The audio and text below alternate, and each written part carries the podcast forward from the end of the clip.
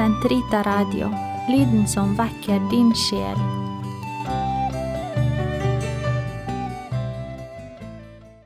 Den katolske kirkes katekisme, uke 31, onsdag 547-553. Tegn på Guds rike. Jesus ledsager sine ord med mange mektige gjerninger, undre og gjærtegn, apostelgjerningene 2.22, som viser at Guds rike er til stede i ham. De stadfester at Jesus er den lovede Messias. De tegn Jesus gjør, vitner om at Faderen har sendt ham. De maner til å tro på ham. Dem som venner seg til ham med tro, gir han det de ber om. Da bestyrker undergjerningene troen på ham som gjør Faderens verk. De vitner om at han er Guds sønn. Men de kan også være til anstøt Matteus 11,6. De er ikke ment å tilfredsstille folks nysgjerrighet eller behov for magi. Til tross for at Jesu mirakler er tydelige nok, forkastes han av noen. Ja, han anklages til og med for å handle ved demoners hjelp. Ved å sette noen mennesker fri fra jordiske plager, som sult, urett, sykdom og død, gjorde Jesus messianske tegn.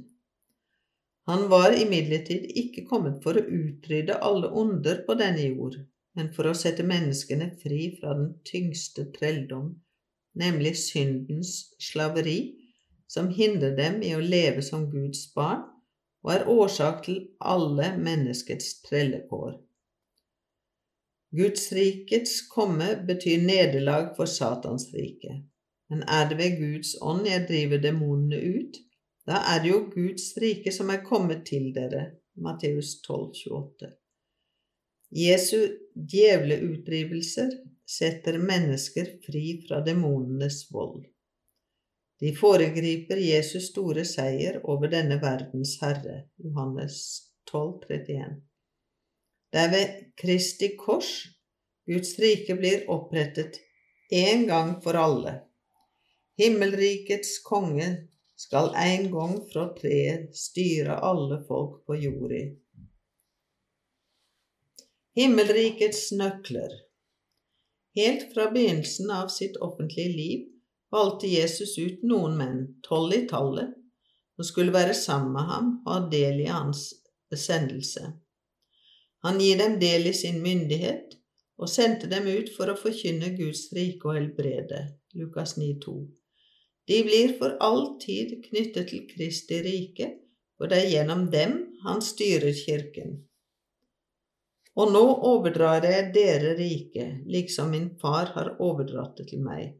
Derfor skal dere spise og drikke ved mitt bord i mitt rike og sitte på troner og herske over Israels tolv stammer. Lukas 22, 29-30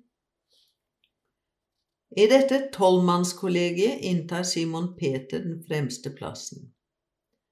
Jesus betrodde ham med en enestående sendelse. Takket være en åpenbaring fra Faderen hadde Peter bekjent, Du er Kristus, sønn av den levende Gud. Og vår Herre sa til ham, Du er Peter klippen, og på denne klippet vil jeg bygge min kirke, og den skal dødsrikes porter aldri få i sin vold. Matteus 16, 18. Kristus, den levende sten, 1. Peter brev 2, 4, sikrer for sin kirke, bygget på Peter, seier over dødsmaktene. Peter, på grunn av den tro han bekjente, forblir kirkens urokkelige klippe.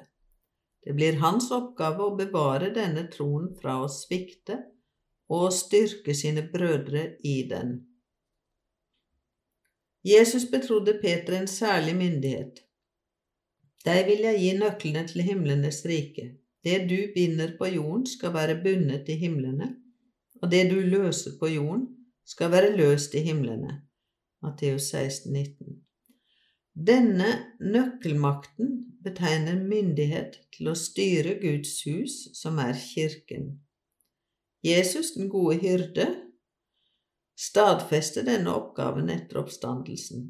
Vokt mine får. Johannes 21, 15-17. Fullmakten til å binde og løse innebærer myndighet til å tilgi synder, til å dømme om læren og til å øve kirketukt. Jesus overdro kirken denne myndighet ved aposteltjenesten, og særlig til Peter, den eneste han uttrykkelig betrodde himmelrikets nøkler til.